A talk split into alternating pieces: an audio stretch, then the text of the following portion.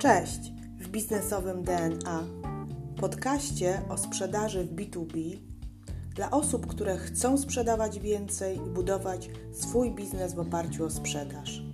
Nazywam się Ewa Piotrowska i w tym podcaście udzielę Ci praktycznych wskazówek z zakresu pozyskiwania klientów, prowadzenia procesu sprzedaży oraz zwiększania ilości klientów.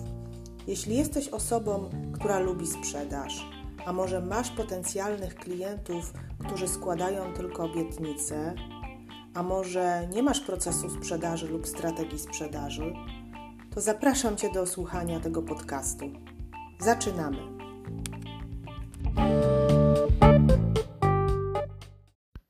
Cześć, witajcie kochani w dzisiejszym odcinku podcastu Sprzedaż B2B w praktyce. W dzisiejszym odcinku chciałabym się z Wami podzielić spostrzeżeniami dotyczącymi zakupu mieszkania. I nie bez powodu dzisiaj właśnie ten odcinek y, w takim temacie, ponieważ okazuje się, że będąc sprzedawcą już 20 lat, będąc dyrektorem handlowym i e, praktycznie myśląc, że się wszystko wie o tym, jak się sprzedaje, jak się kupuje, okazało się, że nie byłam przygotowana dobrze do zakupu mojego mieszkania, nie byłam przygotowana mentalnie.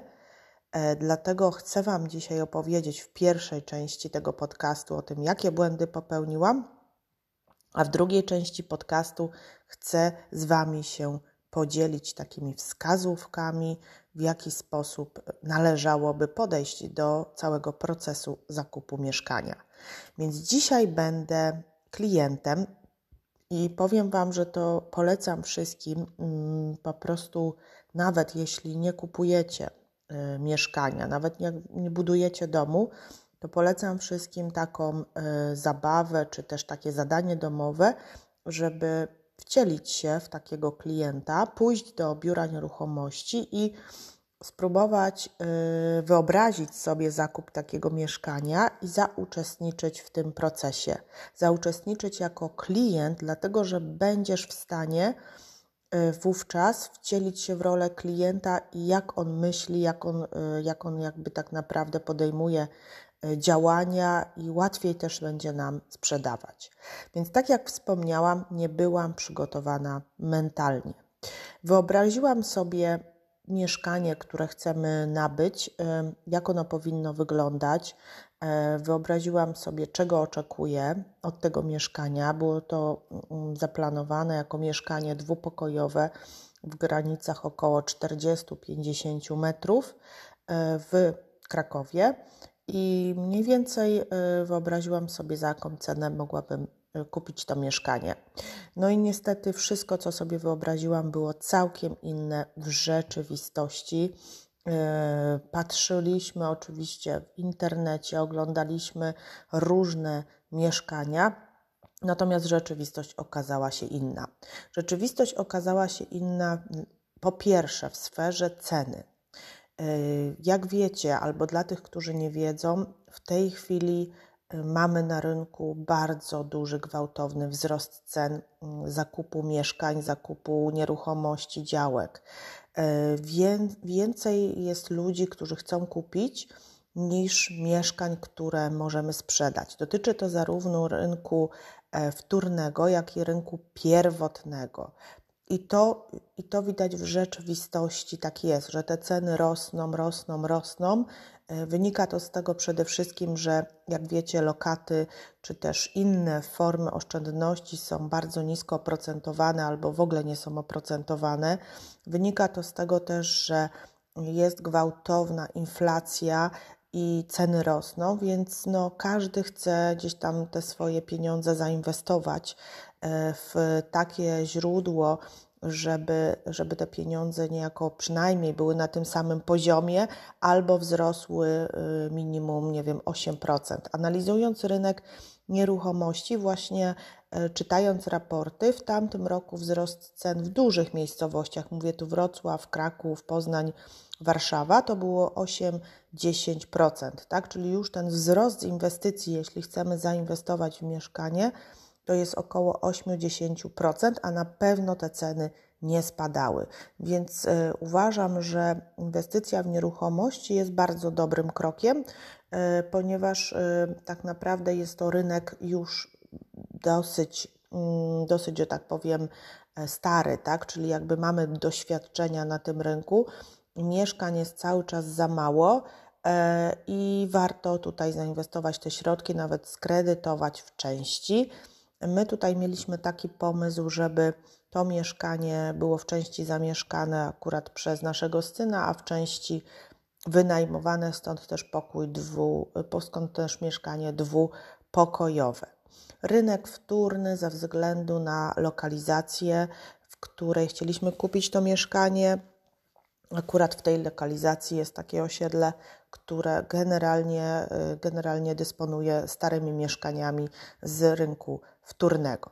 Więc yy, z jednej strony dobrze teraz kupić nieruchomość, bo ceny rosną, ale z drugiej strony dla kupującego naprawdę sytuacja jest ciężka e, ze względu na to, że ciężko jest negocjować. No i właśnie, przejdę teraz do negocjacji.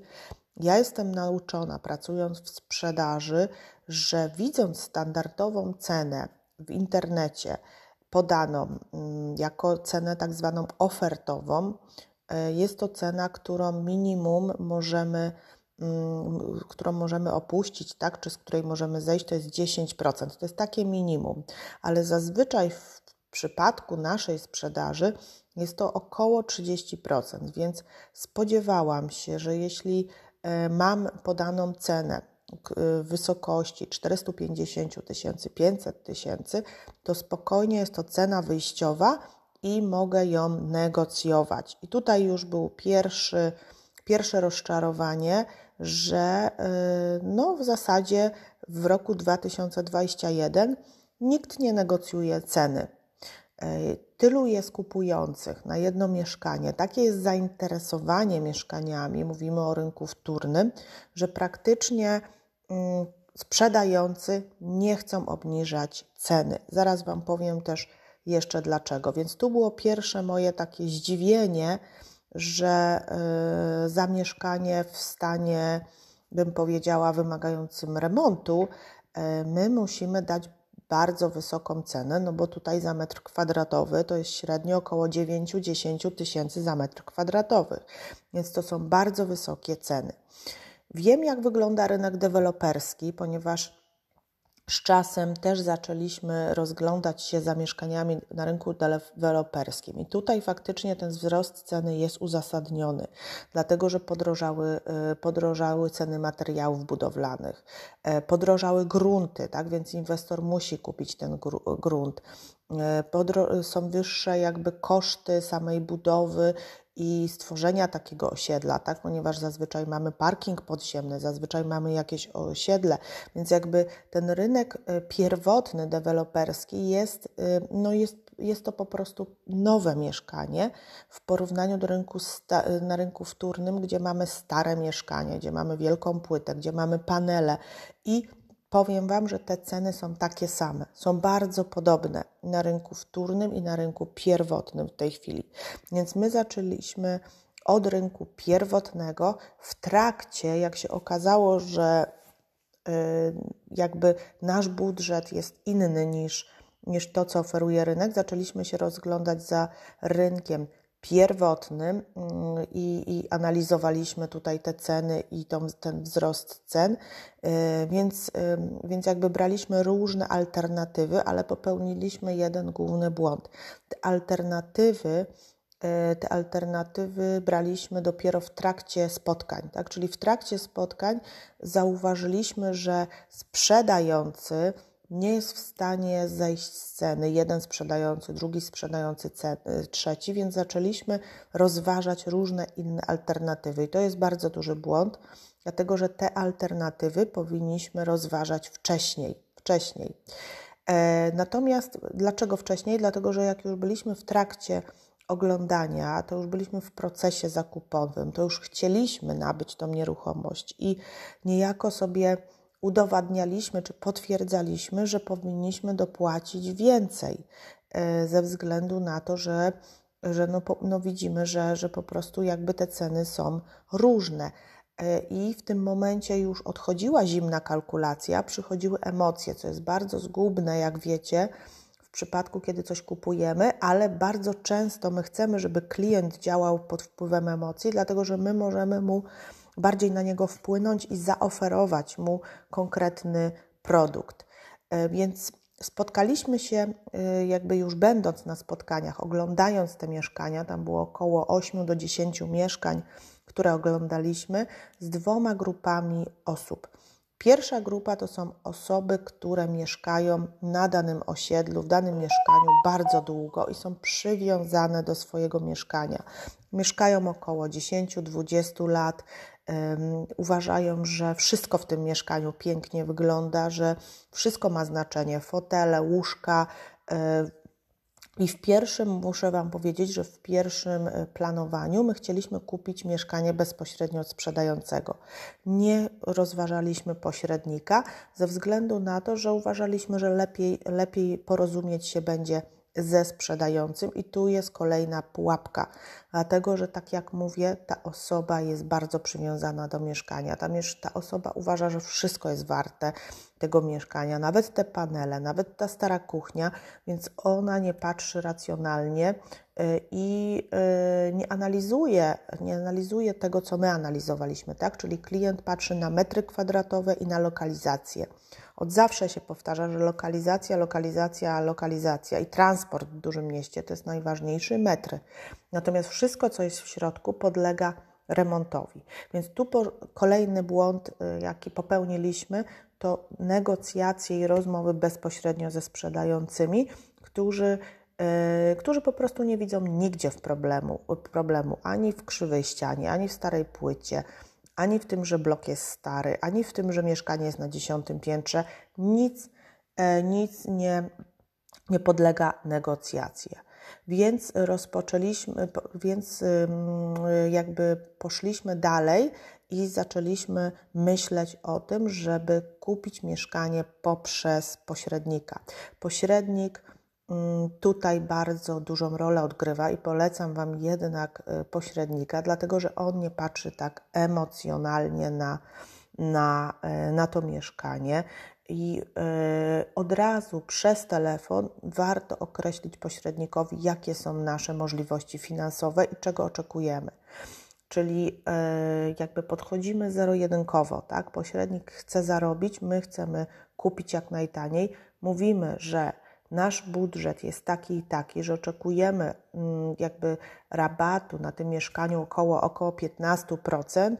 Oczekujemy, widzimy takie i takie minusy, tak? My sobie też określiliśmy pewne minusy, tego mieszkania, tak, czyli na przykład wysokie piętro, czyli na przykład, że jest loggia, a nie, że jest balkon, czyli na przykład, że jednak to jest stare, e, stare osiedle, a nie nowe osiedle i podajemy takie argumenty pośrednikowi pośrednik po prostu rozmawia już ze sprzedającym, co jest prostsze, ale to dopiero, to dopiero e, jest później tak naprawdę mm, mogliśmy to stwierdzić. I teraz, jeśli chodzi o prowizję dla pośrednika, czym niższą dasz prowizję pośrednikowi, tym mniej się on będzie starał, bo zazwyczaj e, płaci się na rynku nieruchomości od 2 do 4% z tego, co ja obserwuję.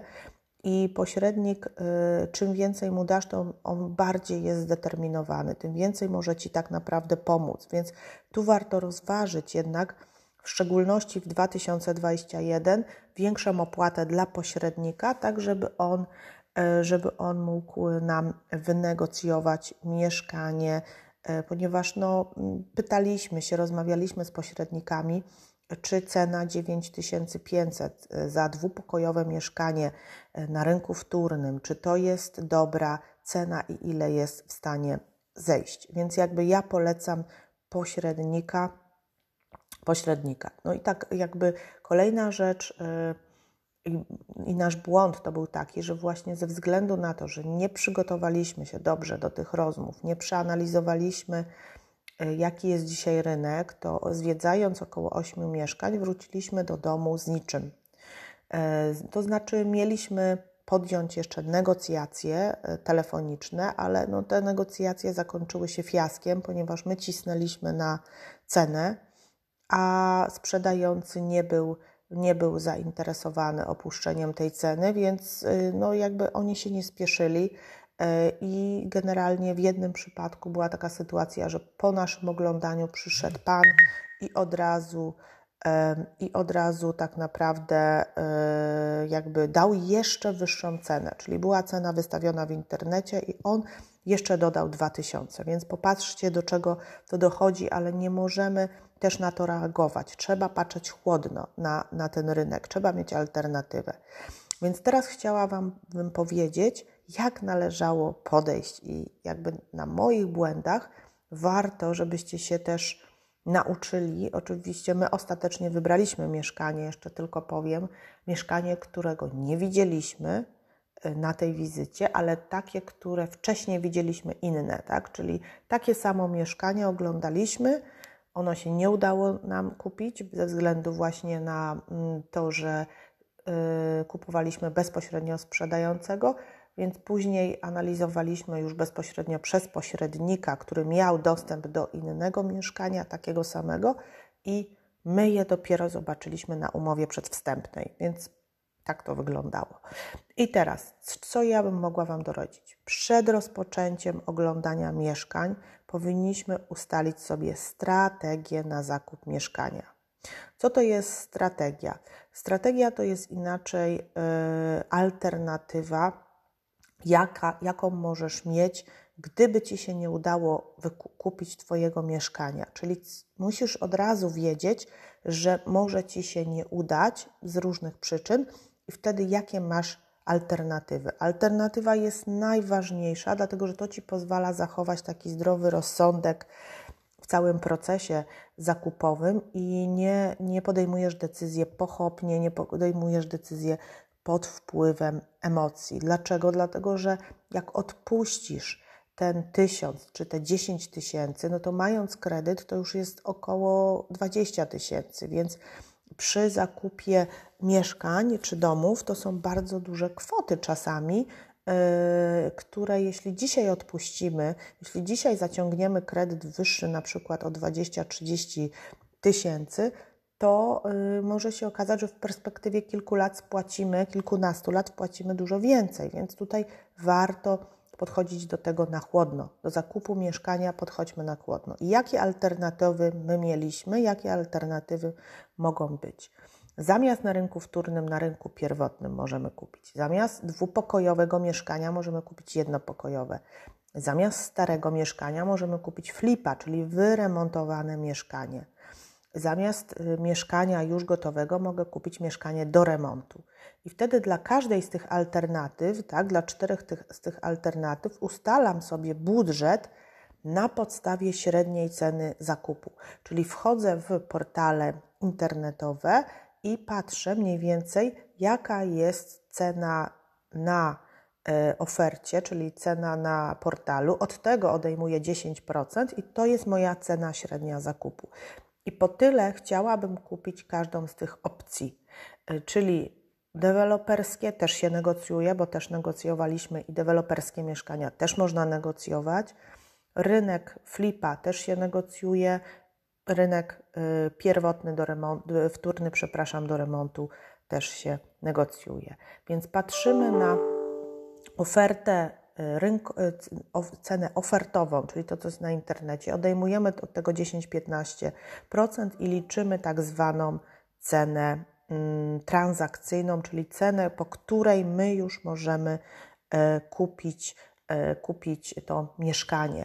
Nawet możemy używać różnych sformułowań, tak, że krakowskim targiem spotkajmy się pod środku, ale powiem Wam, że w tych czasach to nie, to powiedzenie już niestety nie skutkuje, bo tak jak mówiłam, popyt na mieszkania jest bardzo duży, więc tutaj trzeba działać chłodno. E, kolejna rzecz, na którą zwrócić należy uwagę, to jest czas. Na negocjacje, na zakup mieszkania powinien być czas. Nie powinniśmy działać pod wpływem chwili e, i myśleć o tym, że zaraz mieszkanie zniknie i jego nie będziemy mieć. Powinniśmy sobie dać jednak ten czas i rozważyć, co będzie w momencie, jeśli nie będzie naszego wymarzonego mieszkania, czyli te alternatywy, które, o których ja mówiłam, o które dysponujesz, tak? Bo jeśli patrzysz na internet, to może się okazać, że tych mieszkań jest bardzo mało i wtedy e, i te mieszkania na przykład bardzo długo stoją, czyli powyżej miesiąca, powyżej dwóch miesiąca. Jeśli one tak długo stoją, to znaczy, że też jest coś niepokojącego w tym danym mieszkaniu. Więc co ja polecam? Nawiąż kontakt z kilkoma pośrednikami w danej miejscowości, powiedz im, że planujesz zakupić takie mieszkanie, zostaw swoje dane kontaktowe i czekaj na kontakt, dlatego że mieszkania najlepsze są i najlepiej, najlepiej się sprzedają, jeśli one się nie pojawią na rynku na, i w internecie, bo jeśli już masz mieszkanie w internecie, to znaczy, że tych chętnych będzie więcej, że tych chętnych będzie, nie wiem, 10, 20, 30, więc już Twoja konkurencja rośnie. Więc to, co właśnie ja polecam teraz zrobić, to kontakty z pośrednikami. Nie powinniśmy bać się pośredników, tak naprawdę, tak, i tego, że pośrednik zje nam tą marżę, tak, tą prowizję 2-4%, dlatego że no dlatego, że tak jak mówię, ja widzę korzyść ze współpracy z agentem nieruchomości bardzo dużą. Jakie dzisiaj najczęściej y, mieszkania się sprzedają? Tak chciałabym Wam się z Wami podzielić. Przede wszystkim bardzo małe, jak się okazuje. To zależy oczywiście takie do 25 metrów. Widziałam, że się teraz takie buduje tak zwane mieszkania kompaktowe, a druga, mm, druga, druga, że tak powiem, e, część mieszkań to są mieszkania właśnie dwupokojowe od 30 do 45 metrów do 50 metrów, ze względu na to, że no ceny są duże, a już w takim mieszkaniu dwupokojowym można sobie zamieszkać e, spokojnie, tak naprawdę. Co jest bardzo co jest bardzo ważne jeszcze, wizyty w mieszkaniach. Tych wizyt w mieszkaniach powinno być więcej, dużo więcej. No ja tak miałam, mówię, miałam 8, 7, już nie pamiętam, ale e, tutaj trzeba sobie ten czas znaleźć na to, żeby pooglądać, popatrzeć różne mieszkania i co najważniejsze, jak będziecie oglądać, wskazać minusy tej nieruchomości. Czyli oglądając mieszkania, warto sobie notować i patrzeć, co jest minusem tej nieruchomości, ale nie tylko w mieszkaniu, ale także w budynku, czyli na przykład, że nie jest ocieplony, że jest winda, że nie jest bezpieczna okolica dookoła. Dlaczego to jest Wam potrzebne? Dlatego, że to się przyda później w negocjacjach. Czyli jak będziemy rozmawiać ze sprzedającym, to my to użyjemy może nie bezpośrednio, wprost, tak? Że widzę, że tutaj jest, nie wiem, niebezpieczna okolica, tylko że możemy że zapytać sprzedającego, jak pan sądzi, jaka jest okolica. Kiedy pan kupił to mieszkanie i dlaczego pan sprzedaje? Dlaczego takie pytanie jest ważne? Dlatego jest ważne, ponieważ wiesz tak naprawdę, jakie są powody i motywy zamieszkania tutaj i sprzedaży, czyli możesz się przygotować do negocjacji oglądanie mieszkania, notowanie mieszkania, czyli w pierwszych trzech mieszkaniach notujesz minusy tej nieruchomości, żeby w rozmowie ze sprzedającym w kolejnym mieszkaniu, tam w piątym, szóstym, móc zadawać mu pytania i, yy, i mieć, yy, mieć te argumenty przygotowane, że jednak ta cena jest za wysoka, tak? bo powinniśmy jednak negocjować nie budżetem, że ja mam taki budżet, tylko podawać takie faktyczne argumenty, e, takie faktyczne argumenty w, w, tej, e, w, tej, w tej sprzedaży. Tak? Powinniśmy być tutaj przygotowani na to. I uważam, że tak będąc przygotowanym, czyli jakby poświęcając czas, czyli około 3-4 miesięcy trzeba poświęcić czasu na oglądanie, na szukanie, na rozmowy z, z agentami ubezpieczeniowymi, na rozmowy ze sprzedającymi, będzie Ci łatwiej dojść do tego końcowego efektu, czyli już do tej negocjacji ceny. E, I popatrzcie teraz z drugiej strony, jak jesteście sprzedawcami, tak naprawdę, tak?